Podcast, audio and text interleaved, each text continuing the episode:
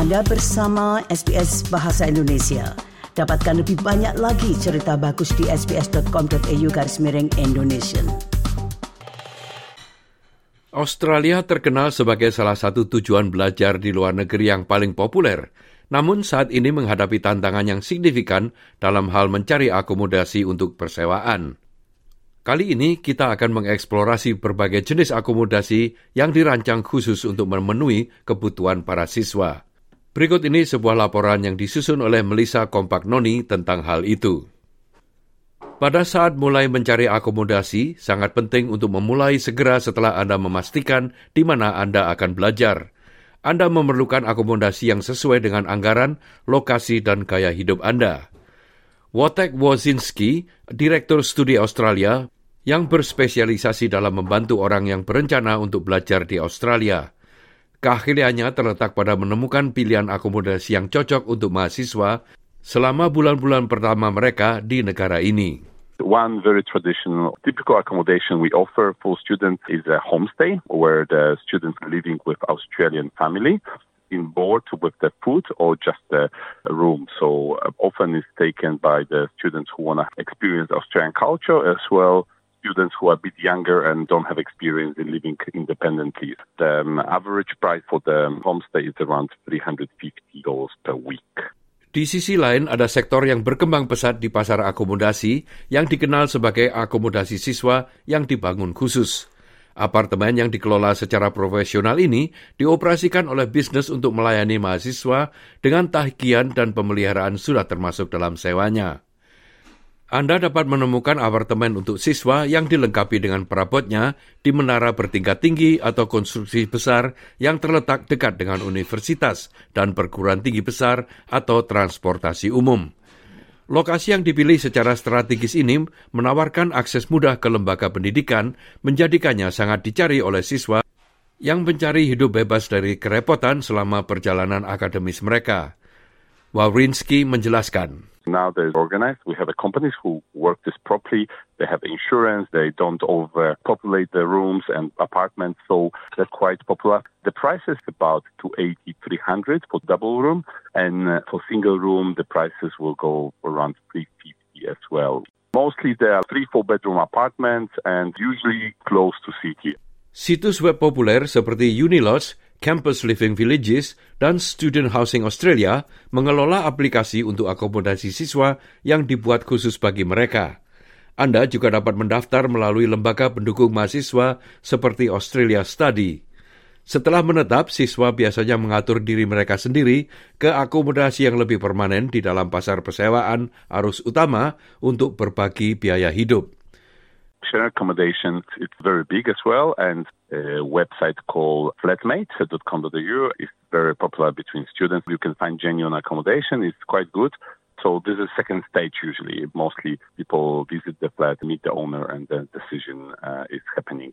The prices there are very difficult to say because it all depends of the location, season. Selain itu, ada situs flatmates.com.au flatmatefinders.com.au dan Gumtree yang juga merupakan situs populer untuk menemukan opsi tempat tinggal bersama.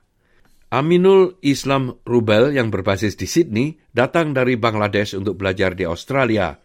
Ia dihadapkan dengan krisis sewa saat ini dan ia menemukan bahwa mahasiswa internasional kurang peduli tentang kualitas hidup dan lebih banyak tentang bertahan hidup.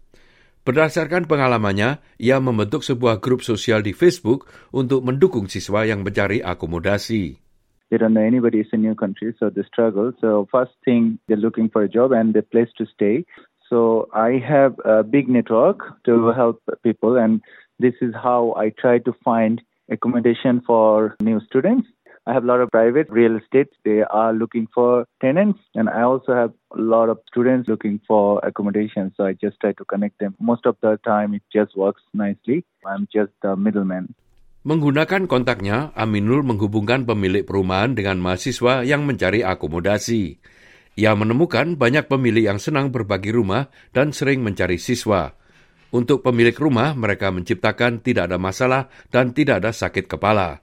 Aminul juga sangat mendorong siswa untuk memanfaatkan jaringan di lembaga pendidikan mereka.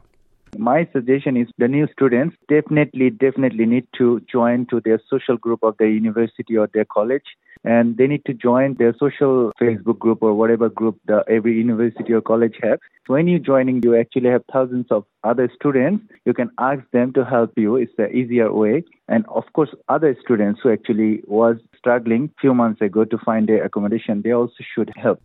Salah satu hambatan terbesar yang dihadapi mahasiswa internasional tentu saja adalah bahasa Inggris. Jadi meminta bantuan dalam bahasa Anda sendiri sangat penting.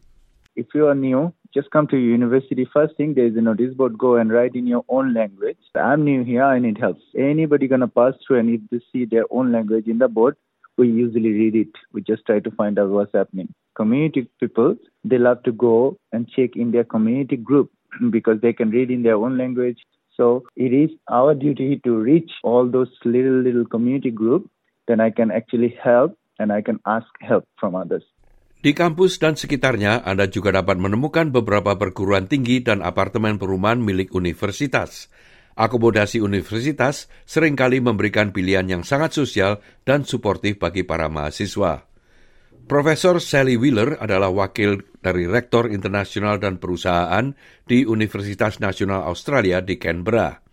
Ia sangat menyarankan untuk mempertimbangkan akomodasi universitas, terutama bagi mereka yang belum pernah belajar di Australia sebelumnya.